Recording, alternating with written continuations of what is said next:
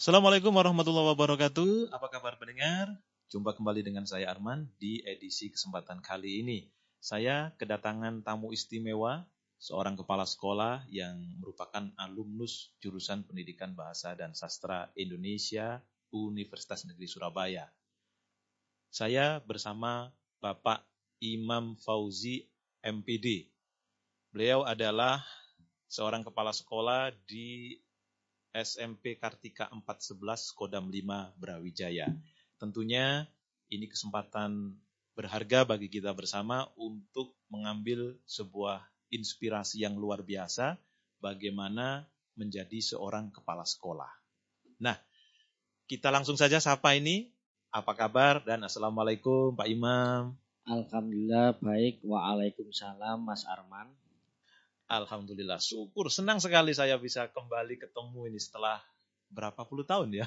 ya sudah lebih cukup... lebih dari 20 tahun. Wah, sudah tak terasa. Ya, pendengar. Sebenarnya saya dan Mas Imam ini satu angkatan ya. Angkatan tahun 94, 94. di IKIP Surabaya. IKIP Negeri Surabaya. Ya, di Ketintang sana.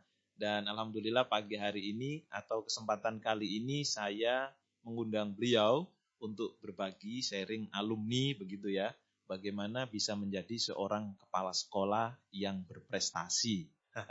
nah, ini langsung aja. Kalau tadi sudah saya perkenalkan, beliau adalah Pak Imam Fauzi. Nanti sedikit banyak beliau akan hmm, bercerita juga bagaimana beliau bisa menjadi seorang kepala sekolah di basis militer. Wah, luar biasa ini. Silakan Pak Imam diceritakan ini. Kok bisa ini langsung atau bagaimana ceritanya kok oh, bisa gitu. menjadi ya. seorang kepala sekolah di uh, apa di basis militer ya. gitu ya. Terima kasih Mas Arman. Uh, selamat pagi, salam sejahtera untuk pemirsa Radio UNESA. Uh, saya iki uh, jurusan pendidikan Bahasa dan Sastra Indonesia angkatan 94 dan lulus tahun 98. Berarti langsung 4 tahun ya? Ya.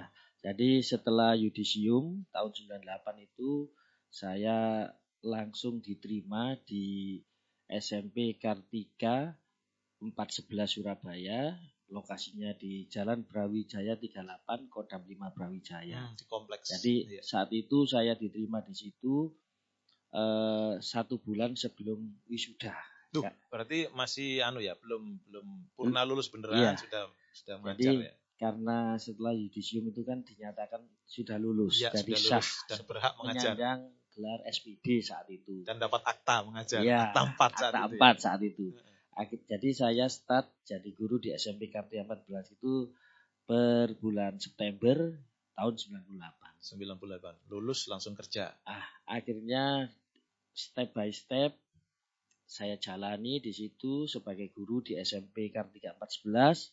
Jadi setelah itu ya di luar dugaan apa dalam perjalanan itu pernah jadi wali kelas mulai wali kelas 1 kelas 2 kelas 3 seperti itu mm -hmm. lanjut karir meningkat ya seperti air mengalir pernah jabat pembina osis mm -hmm. lanjut menjadi kaur kesiswaan iya, iya, iya. dan alhamdulillah saat itu di tahun 2012 kepala sekolah saat itu yang memimpin Bapak DRS Kristal Tigarmadi.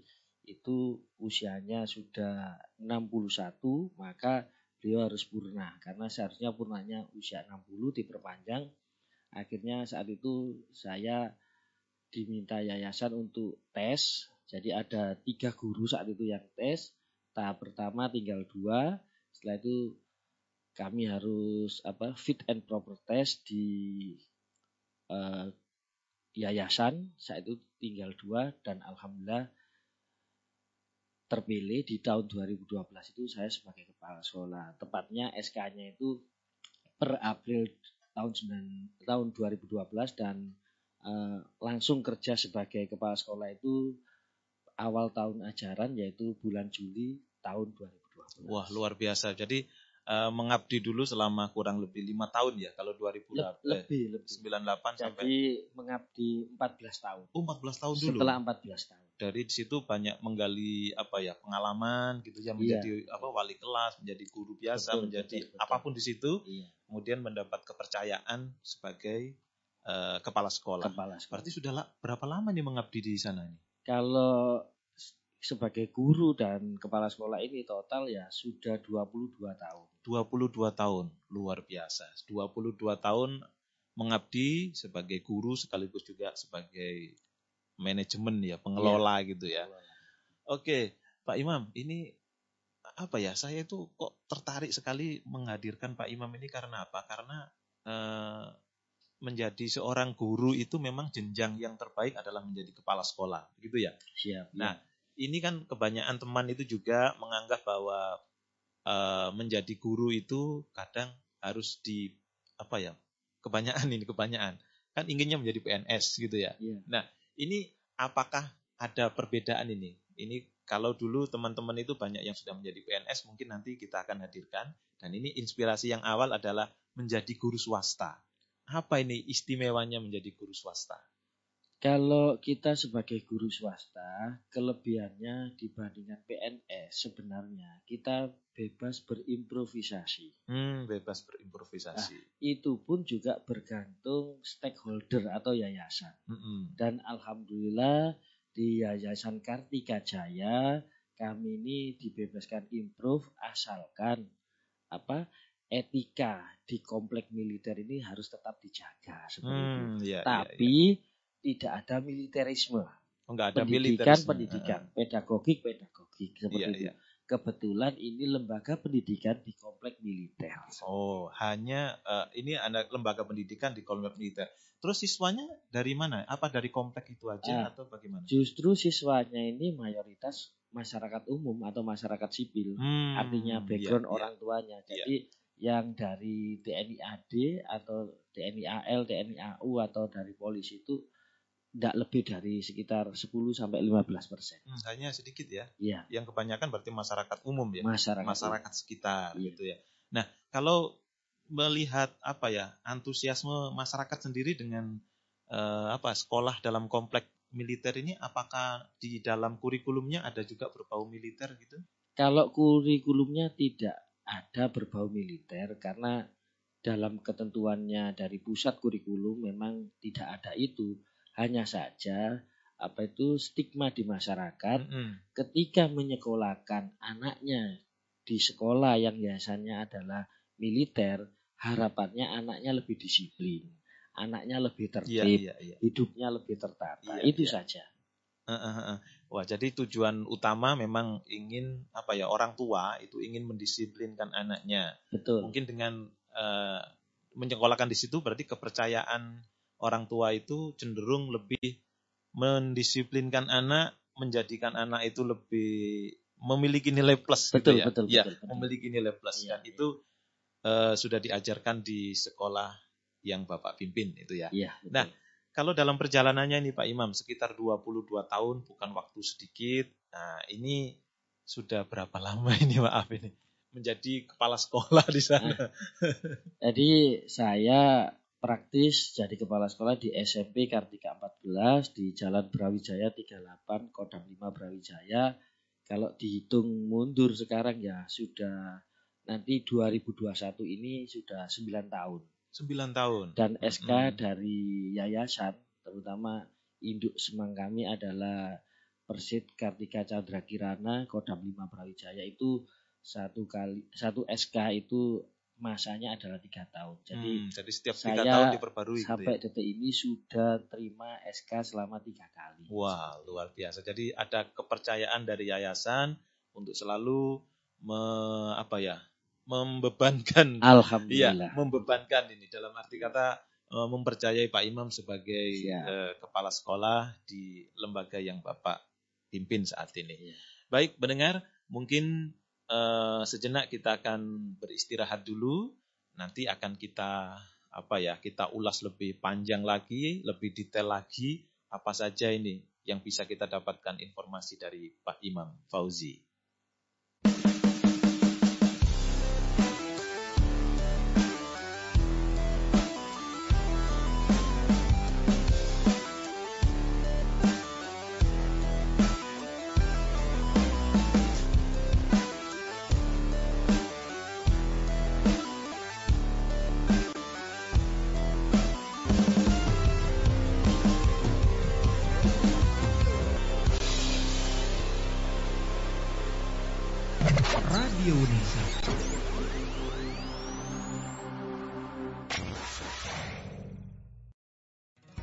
Radio Unesa Informasi Edukasi dan Prestasi hadir sejak 13 Februari 2020 bertepatan dengan Hari Radio Sedunia. Radio Unesa memenuhi kebutuhan informasi seluruh sivitas akademika Unesa dan masyarakat. Melalui informasi edukasi hingga hiburan disajikan selama 24 jam non-stop. Rekan Unesa bisa mendengarkan via streaming di radiounesa.com atau www.unesa.ac.id.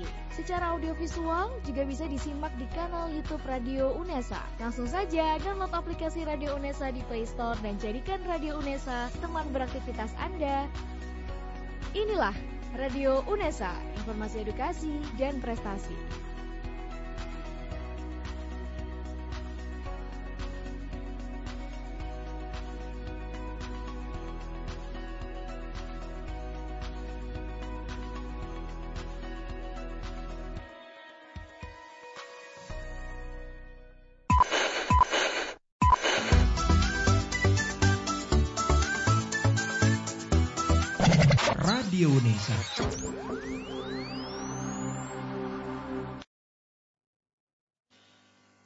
Baik pendengar Radio Unesa di mana pun Anda berada, sekali lagi saya informasikan kepada Anda bahwa saat ini Anda masih menyimak siaran kami melalui www.radiounesa.com.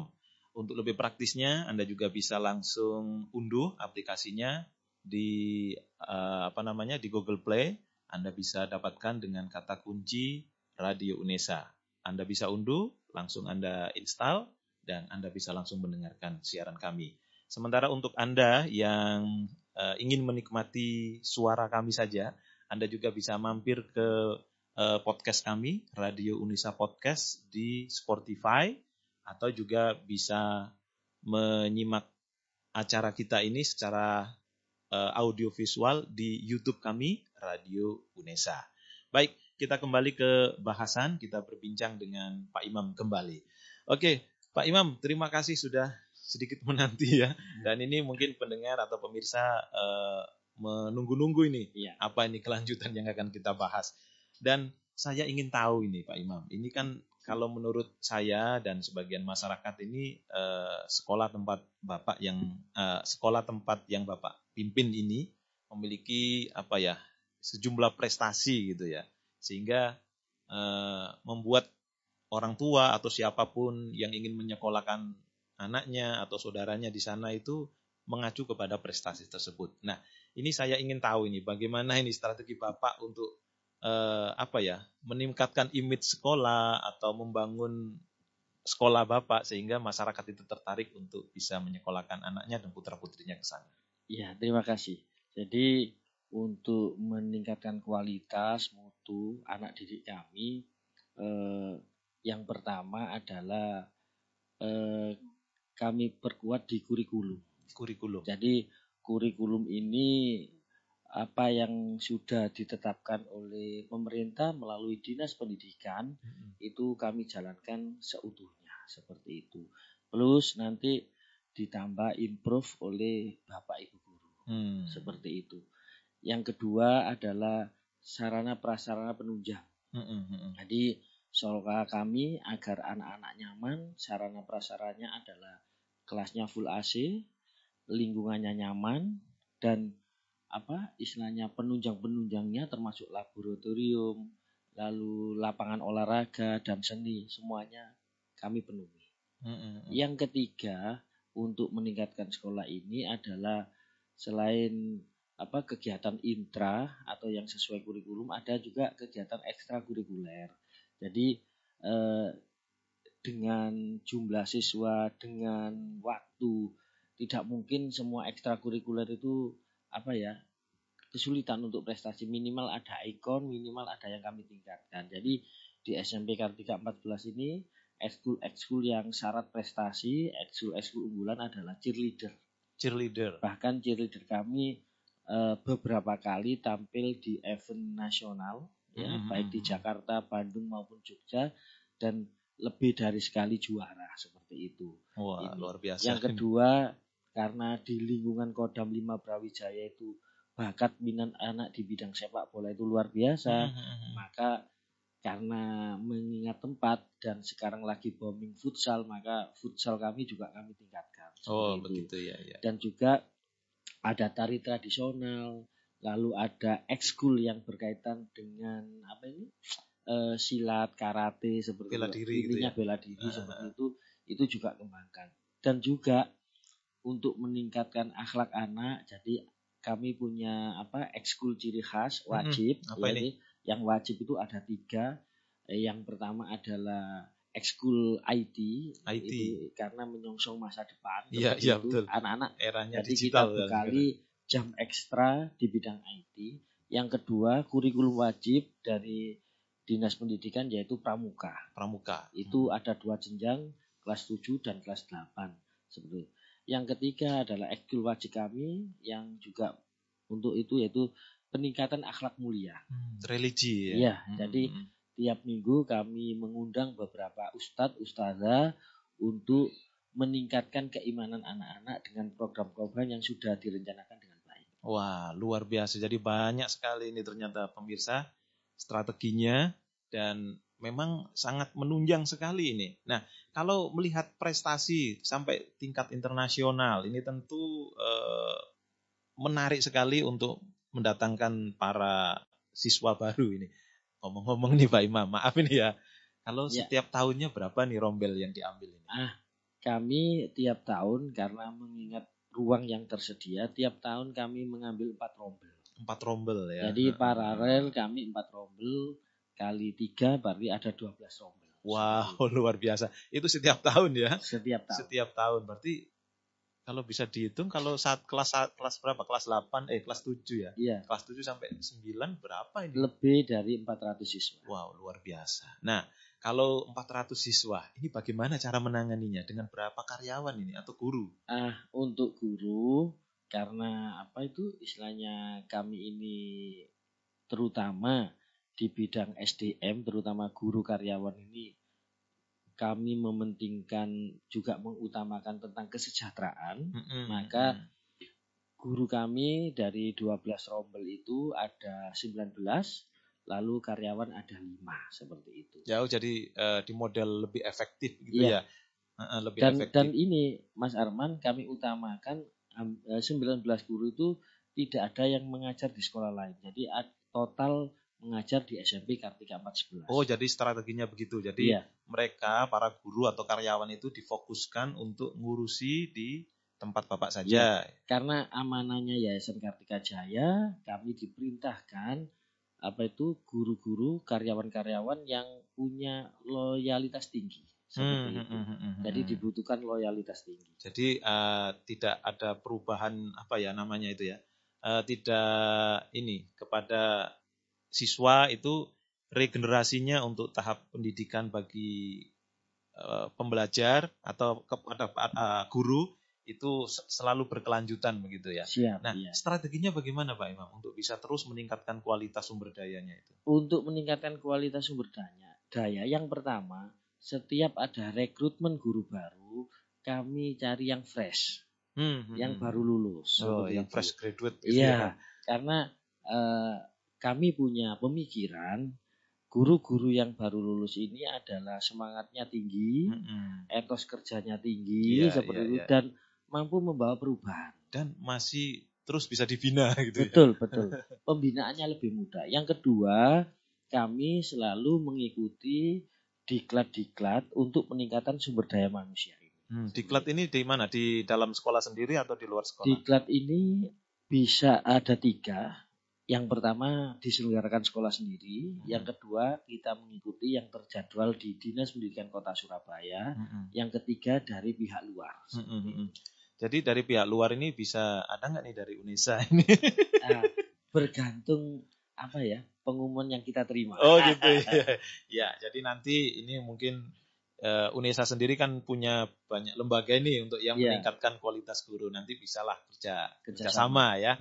Jadi uh, apa yang didapatkan oleh sekolah Bapak di SK, apa di SMP Kartika juga dari kita juga ada imbal baliknya begitu ya Pak ya. Imam ya. ya Oke, kalau peningkatan guru, peningkatan sumber daya yang lainnya Pak Imam mungkin karyawan dan lain dibekali dengan apa gitu. Nah, ini apa untuk meningkatkan loyalitas tadi, jadi salah satu Mas Arman di SMP Kartika 411 ini jadi untuk meninggal, meningkatkan loyalitas guru salah satu ada apresiasi. Hmm, apa nih apresiasinya? Jadi, apresiasinya Pak Arman secara terprogram terencana di SMP Kartika 14 itu setiap tahun ada satu guru yang kita apresiasi atau hmm, karyawan hmm. kita apresiasi dengan kita biayai untuk menunaikan ibadah umroh. Wow, luar Seperti biasa itu. ini.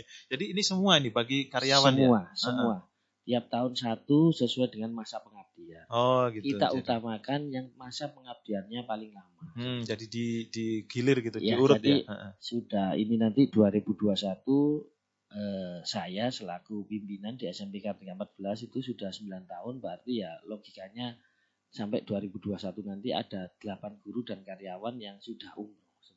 Alhamdulillah. Gitu. Jadi itu ya. Ini sudah sudah berapa tahun ini berjalan ini? Sudah jalan 8 tahun. 8 jadi, tahun ya. Jadi ada 8 guru dan karyawan yang sudah diumrohkan ya. Tiap tahun. Jadi ini bentuk apresiasi. Wah, jadi ini yang membuat uh, apa namanya para guru karyawan itu uh, loyalitasnya tetap betul, terjaga betul, gitu betul, ya. Betul. Dan mereka juga di sana tentu kalau umroh kan ibadah, iya. mendoakan supaya sekolahnya juga terus bisa menjadi yang terbaik begitu Dan ya. Dan 100% biaya sudah ditanggung oleh sekolah. Wah, luar biasa. Iya, ini kan masa pandemi Pak Imam. Iya. Bagaimana ini sekolah Pak Imam sendiri nih? Untuk apakah terdampak atau efektifnya bagaimana ini untuk menjalankan kurikulum di tengah pandemi ini Pak iya. Imam? Terima kasih. Yang jelas berdampak. Uh, uh, Dan ini berdampak ini secara keseluruhan sekolah-sekolah di Surabaya atau Surabaya dan sekitarnya. Uh, uh, semua ya. Satu, yaitu pola pembelajaran mm -hmm. yang asalnya tatap muka sekarang daring kan yeah, yeah, yeah. yang kedua yaitu e, perlu adaptasi yang cukup lama. Mm -hmm. karena tidak semua siswa tidak semua wali murid terbiasa proses belajar daring ini. Mm maka kami SMP Kartika 14 selalu memfasilitasi secara tatap muka itu pun dengan catatan protokol harus dijalankan Hmm, iya iya. Tapi masih daring semua ya ini. Daring, daring. Sampai, sampai saya Karena sekarang ya. sesuai dengan petunjuk atau edaran dari Dinas Pendidikan Kota Surabaya maupun Wali Kota Surabaya, mm -hmm.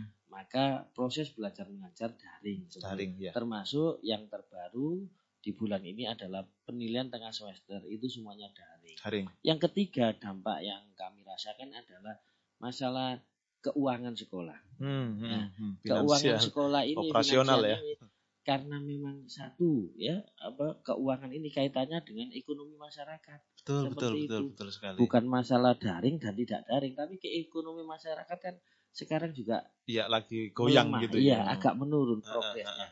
Maka itu berpengaruh seperti itu. Tapi tetap alhamdulillah sampai sekarang istilahnya di SMP Kartika 14 kalau di sana sini ada berita guru tidak gajian di SMP Kartika 14 sampai bulan Oktober 2020 ini untuk kajian tetap aman. Alhamdulillah aman ya, ya. Iya. Iya, ini kan kaitannya dengan tadi rombel yang begitu banyak. Iya. Nah, ini uh, memasuki pandemi kemarin kan juga memasuki kurikulum baru nih Pak Imam. Siap. Apakah juga terdampak ini? Uh, apakah maksud saya uh, apakah peminatnya turun atau bagaimana? Uh, Alhamdulillah uh, masalah peminat ya PPDB di masa penerimaan hmm, peserta didik baru ya. tahun 2020 di masa pandemi. Alhamdulillah jauh-jauh hari kami seluruh guru karyawan SMP Kartika 14 sudah mengantisipasi dengan strategi seperti itu. Strategi PPDB Alhamdulillah malah kami melebihi target. Loh, kok aneh? Iya. Luar biasa ini berarti. Iya. Nah, strateginya gimana nih Pak? Bisa di-share nggak nih? Iya, bisa, iya, bisa. Iya. Kita berbagi. Jadi iya. strateginya yang pertama, Eh, kami di SMP Kartika 14 punya filosofi. Mm-hmm. Promo sekolah, branding sekolah yeah. adalah sepanjang tahun. Sepanjang tahun. Bukan saat masa. Nah, ya, betul. Art- artinya apa? Ya, kita harus memberikan layanan pendidikan yang terbaik sepanjang tahun. Itu, itu salah satu brandingnya dan itu, utama itu ya. Yang utama. Yang ya. kedua, kami harus kerja keras, iya. kerja ikhlas uh-uh. seperti itu. Karena apa? Kalau guru karyawan statusnya PNS itu gajiannya pasti. Iya pasti. Kerja nggak kerja iya, dibayar. Ya seperti itu. Kalau kami di swasta, bedanya yang paling mencolok adalah gaji kami itu sangat berpengaruh pada jumlah siswa yang masuk, Mm-mm. jumlah siswa yang mendaftar. Iya. Maka di masa-masa seperti kami harus kerja keras Iya, iya, Seperti iya, itu. iya. dan pandai-pandai menyikapi kebijakan dinas pendidikan, kebijakan wali kota Mm-mm. seperti itu. Selaku pemangku kebijakan di lingkungan kota Surabaya seperti itu. Iya, iya, iya. Yang ketiga, kami juga ikhtiar batin. Jadi Apa ini ikhtiar batin ikhtiar ini? batin jadi hampir tiap hari selama masa pandemi itu karena guru karyawan mayoritas muslim kami selalu istighosah berdoa Oh. bersama seperti itu. Itu setiap minggu, setiap Jumat atau- Kalau di waktu masa PPDB terutama saat ya namanya PPDB itu kan ha. ada masanya. Iya. Artinya ada rentang waktu selama Iya, proses itu ya. Jadi kami harus pandai-pandai melihat eh, PPDB SMP negeri di Surabaya ini. Hmm, hmm, Kapan dibuka, kapan ditutup seperti Iya, itu. iya. Nah, terutama di masa-masa yang genting seperti itu, kami maksimalkan Hmm. piket di sekolah, doa di sekolah seperti itu. Hmm, hmm, hmm, hmm. Jadi seperti itu Jadi- dan dan juga kami membangun jaringan dengan alumni, Hmm. dengan wali murid Wali seperti murid, itu. iya. Jadi kami membuat jaringan alhamdulillah maksimal. Iya, jadi ikhtiarnya memang harus ekstra ya. Ya seperti itu karena itu sawah ladang kita. Iya, ikhtiarnya lahir dan batin. Baik, pemirsa semuanya, ini perbincangan semakin menarik, tapi tentunya kita harus jeda, jeda sejenak untuk memberi kesempatan Pak Imam untuk mengumpulkan energinya untuk bercerita lebih banyak lagi kepada kita. Oke, kita sambung berikutnya.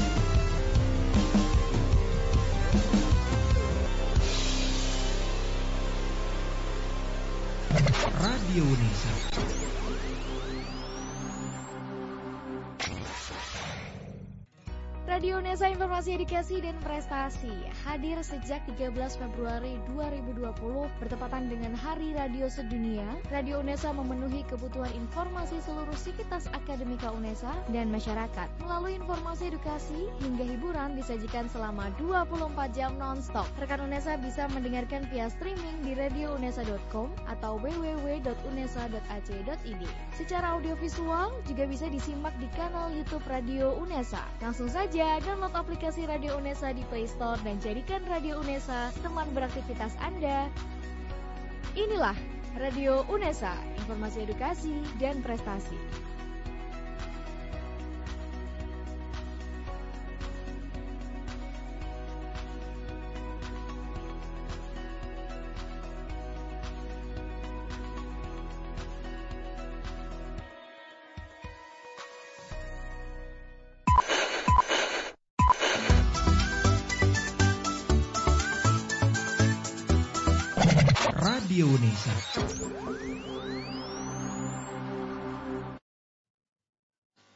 Masih dari lantai 2 Gedung Rektorat Universitas Negeri Surabaya, Radio Unesa masih mengudara dan selalu setia menemani Anda. Sekali lagi, bagi Anda yang ingin selalu mendengarkan kami, bisa unduh aplikasinya di Google Play atau Play Store dengan kata kunci Radio Unesa. Setelah Anda install di handphone Anda, Anda bisa nikmati selama 24 jam berbagai macam siaran yang ada di studio kami. Baik, kita kembali lagi ke Pak Imam. Wah, setelah tadi banyak cerita tentang bagaimana strateginya mengelola sekolah dari yang biasa-biasa saja menjadi yang luar biasa, mengelola karyawan, mengelola guru, mengelola siswa. Sekarang ini gilirannya untuk belejeti Pak Imam sendiri. ini. iya, Pak Imam, masih ada nggak nih sesuatu yang bisa kita, di-share untuk kita ini? Mungkin ada eh, apa ya catatan prestasi Pak Imam sendiri di luar eh, menjadi kepala sekolah. Terima kasih. Jadi eh, prestasi atau tidak itu bergantung sudut pandang kita melihat. Pasti ya. prestasi Pak Dan Imam. Tadi belum Jangan merendah ini. tadi belum kita apa saya sampaikan. Jadi alhamdulillah eh, sejak 2017 saya dapat amanah, jadi ada jabatan untuk menjadi Ketua Paguyuban Kepala Sekolah SMP Swasta Surabaya Selatan. Jadi Ketua. ketua Jadi membawai semua kepala sekolah ini. eh, namanya paguyuban itu adalah MKKS SMP Swasta Surabaya Selatan. Jadi Ah, ah, ah. MKKS itu musyawarah kerja kepala sekolah. Oh, kepala sekolah. Ah, kalau Dan- swasta ada berapa ini, Pak Imam? Kalau otomatis kalau di Surabaya karena sekolahnya jumlahnya banyak ada lima wilayah. Jadi Mm-mm. selatan, utara, timur, barat, dan pusat. Untuk saya ketuanya selatan. Selatan, ya. Dan anggotanya adalah SMP swasta di delapan kecamatan. Jadi Oh, delapan kecamatan. mulai kecamatan Gayungan, Jambangan, Mm-mm. Wonocolo, Wonokromo, Wiyung, Wiyung. Karangbilang, Heeh. Duku Pakis, Iya. dan Sawan. Wah, berapa ini? Berapa personal itu? Total ada 62 SMP swasta. Wow, luar biasa gitu kok nggak mau dikatakan prestasi loh Pak Imam ini Ya itu amanah. amanah amanah Dan, ya. dan ini Mas Arman sebelum jadi ketua itu juga artinya sesuai dengan teman-teman yang lebih senior.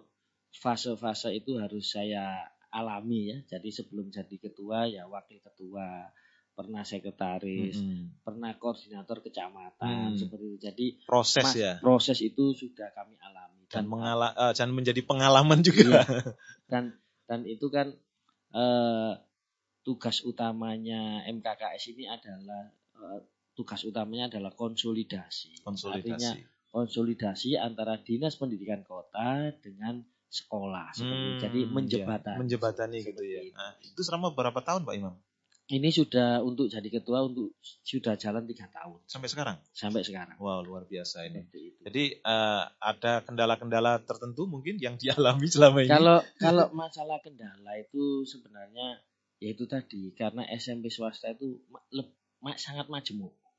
Jadi ada sekolah yang kecil jumlah siswanya, ada yang sekolah jumlah muridnya itu sedang, ada yang banyak sekali. Hmm. Begitu juga kemajemukannya tidak hanya jumlah siswa, lalu background yayasan. Ada yayasan Islam, Hmm. Iya, ada iya, yayasan iya, iya. NU, ada yayasan Muhammadiyah, ada Kristen, ada Katolik, Hmm. ada yayasan nasional. Wah, luar biasa. Suka Gitu. dukanya gimana nih Pak Imam ngurusin yang majemuk kayak gitu? Suka dukanya adalah yaitu tadi apa itu karena tugas utama saya ada melayani anggota. Mm-mm. Suka dukanya ketika ada kekecewaan. Iya. Contoh misalnya ada beberapa bahkan banyak anggota waktu PPDB muridnya sangat berkurang. Hmm, hmm, Karena bagi swasta PPDB itu jumlah murid itu sangat berpengaruh pada rezeki. Iya, iya, itu. iya. Kalau begitu ada ada masalah seperti itu langsung Pak Imam bertindak untuk Ya konsolidasi semua gitu ya, baik ke dalam maupun ke pemerintah gitu ya. betul seperti itu. Heeh. Jadi kita sampaikan ke dinas, ini loh keluhan kita seperti itu. Hmm, tapi tanggapan pemerintah biasanya bagaimana Pak Imam? Gini, kalau tanggapan pemerintah terutama dari dinas itu ya tetap kita berupaya. Hmm. Hanya saja kalau kami dari MKKS ya analisis teman-teman ini yaitu tadi Surabaya ini begitu maju. Hmm. Bu Risma itu luar biasa visi misinya untuk pengembangan kota Surabaya. Iya, betul. Jadi yang kita rasakan di Surabaya ini sampai empat tahun terakhir ini pembangunan SMP negeri luar biasa. Hmm. Pem- satu pembangunan sekolah negeri baru, yang kedua pembangunan ruang kelas baru. Nah, ini berdampak Otoma- ya. Otomatis berdampak menyedot jumlah murid swasta. Oh, begitu. Ya, Gitu jadi loh. Pak Imam eh, setidaknya harus meredam itu ya. Iya, Bisa me- apa ya, memberi ketenangan kepada eh, anggota paguyuban betul betul. sekaligus betul. juga menyampaikan itu kepada pemerintah supaya Betul. juga ada perhatian kepada betul betul. eh, sekolah swasta. betul. Nah, sekarang yang lebih enteng lagi nih bahasanya Pak Imam.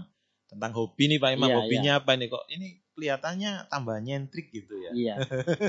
Untuk Hobi, hobi, saya ini itu sampai detik ini istilahnya terlalu banyak hobi. seperti itu. Banyak hobi. Banyak- Salah satu dah, yang banyak utama, teman yang dan utama. ba- banyak teman akhirnya berdampak banyak hobi. Jadi Mm-mm. eh, hobi saya ini sudah berjalan hampir 12 tahun ini adalah ngontel sepeda tua atau Wah. sepeda kebu ya. Makanya kok saya lihat di Iya. Facebooknya itu Iya, kerap mengunggah foto-foto yang yang unik-unik gitu ya. Akhirnya sekarang ketemu teman lagi, sekarang hobi motor tua. Itu pun motor tua juga dua gitu Iya, ya. Jadi iya, iya. jadi ada Yamaha BB, ada Yamaha L2 series. Jadi kalau yang di Yamaha L2 series saya gabung pada klub namanya Romli, kepanjangannya Rombongan L2 series Indonesia. Wah, Seperti kalau itu. yang ontel, yang ontel? Ya kalau yang ontel itu di desa saya namanya Paskung, Paguyuban Sepeda Kuno Ngaresejo. Wah. Nah, kebetulan di situ saya didapuk jadi ketua juga. Double-double ini. Iya. Lalu yang yang V series Hmm. itu ah, ini saya bergabung dengan teman-teman ontel yang apa ya mau mengembangkan diri namanya Kopia Lawas yaitu komunitas ontelis pencinta Yamaha Lawas. Waduh, banyak sekali Iya. istilahnya. Nah, ini Saya terbaru sampai nggak hafal. Mas Arman ini ada kepala sekolah namanya Pak Mukhtar dari Heeh. SMP Wijaya di Iya. Kecamatan Wonokromo itu ternyata beliau itu hobi pendakian gunung. Heeh. Sekarang Ikut juga. Ikut mendaki. Subhanallah gitu. Sehat pokoknya Pak Iya, Imam ya.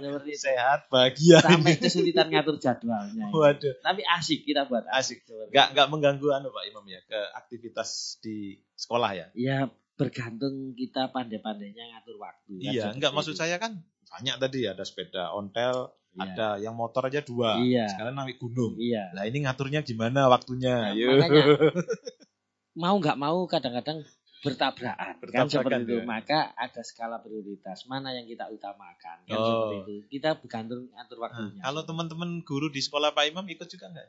ada yang ikut ada yang tidak Iya. kan itu kan saya sering menyebut komunitas suka-suka kan Ah, gitu. ah. kan tidak bisa dipaksakan kan Iya, seperti iya, itu. tapi kan biasanya untuk mengakrabkan gitu ya, mungkin sesama karyawan, kemudian diajak ke mana gitu, kalau nih? kalau sekedar mengakrabkan itu biasanya kalau ini kalau bapak-bapak guru karyawan itu satu selama pandemi sejak pandemi ini eh, biar ada aktivitas itu satu minggu sekali saya ajak main bulu tangkis. bulu tangkis di Iya. sekolah.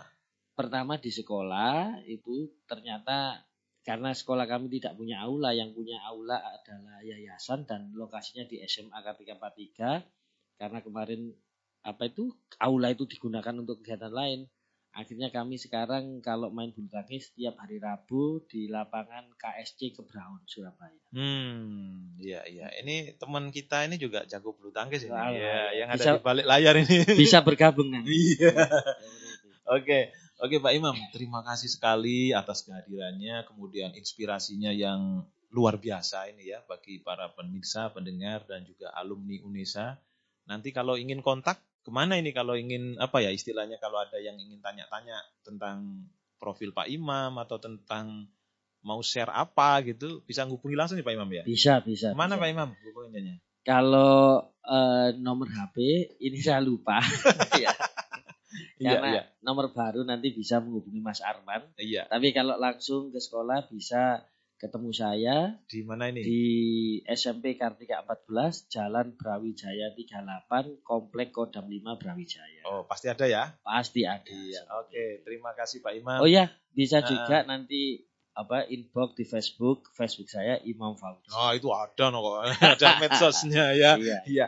Oke. Eh, sebelum eh, kita tutup ini Pak Imam karena waktu juga yang harus memisahkan kita mungkin ada pesan dan kesan bagi pemirsa kita atau pendengar kita. Eh, pesan saya ya ada dua saja, tidak usah banyak-banyak. Yang pertama, jadi saya Pak Imam Famuji itu alma mater IKIP Negeri Surabaya yang sekarang menjadi UNESA. Maka eh, kita harus sadar sesadarnya bahwa eh, alma mater kita ini adalah harga diri kita. Hmm. Alma mater kita adalah kebanggaan kita. Kebanggaan, seperti itu. Maka ini harus kita jaga. Yang kedua, seperti yang disampaikan Mas Arman yang dikorek ke saya misalnya tentang pekerjaan atau profesi. Profesi apa pun, pekerjaan apa pun, ketika itu ditekuni dengan maksimal, Hmm, hmm. ditekuni dengan baik, seperti insya Allah hasilnya maksimal. Oke. Jadi oke. insya Allah hasilnya maksimal. Karena apa? Contoh misalnya, kalau lihat guru dulu dikatakan tidak sejahtera, terbalik sekarang. Karena apa? Ternyata kalau kita pelajari, contoh Pak Imam Fauzi ini sertifikasi kan seperti itu. Ternyata di kementerian sana di pusat ada program namanya in-passing. Mm-mm. Akhirnya sekarang sertifikasinya senilai PNS seperti itu. Wah, jadi sama saja ya antara Sama PNS dan saja. swasta ya.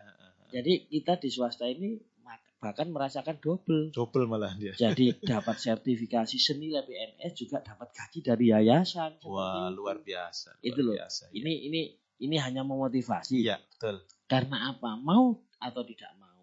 Ya, mau atau tidak mau.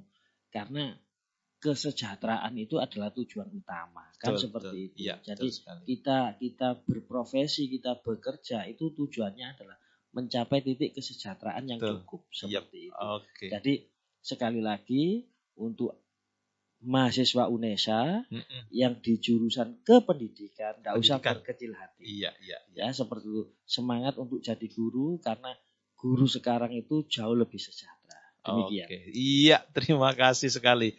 Dua hal yang sangat penting untuk kita pahami bersama. Dan yang paling mendasar adalah apa pun profesi kita, kita kalau bisa mensyukuri pasti akan sesuatu banget begitu ya. Oke, sampai saat ini kita harus berpisah dulu pendengar semuanya. Lain waktu kita akan berjumpa kembali dengan bintang tamu yang berbeda dan pasti selalu menginspirasi. Saya Arman Saputra mengucapkan terima kasih atas perhatian Anda dan Pak Imam Fauzi juga mengucapkan terima kasih. Di balik layar ada Mas Suryo Waskito.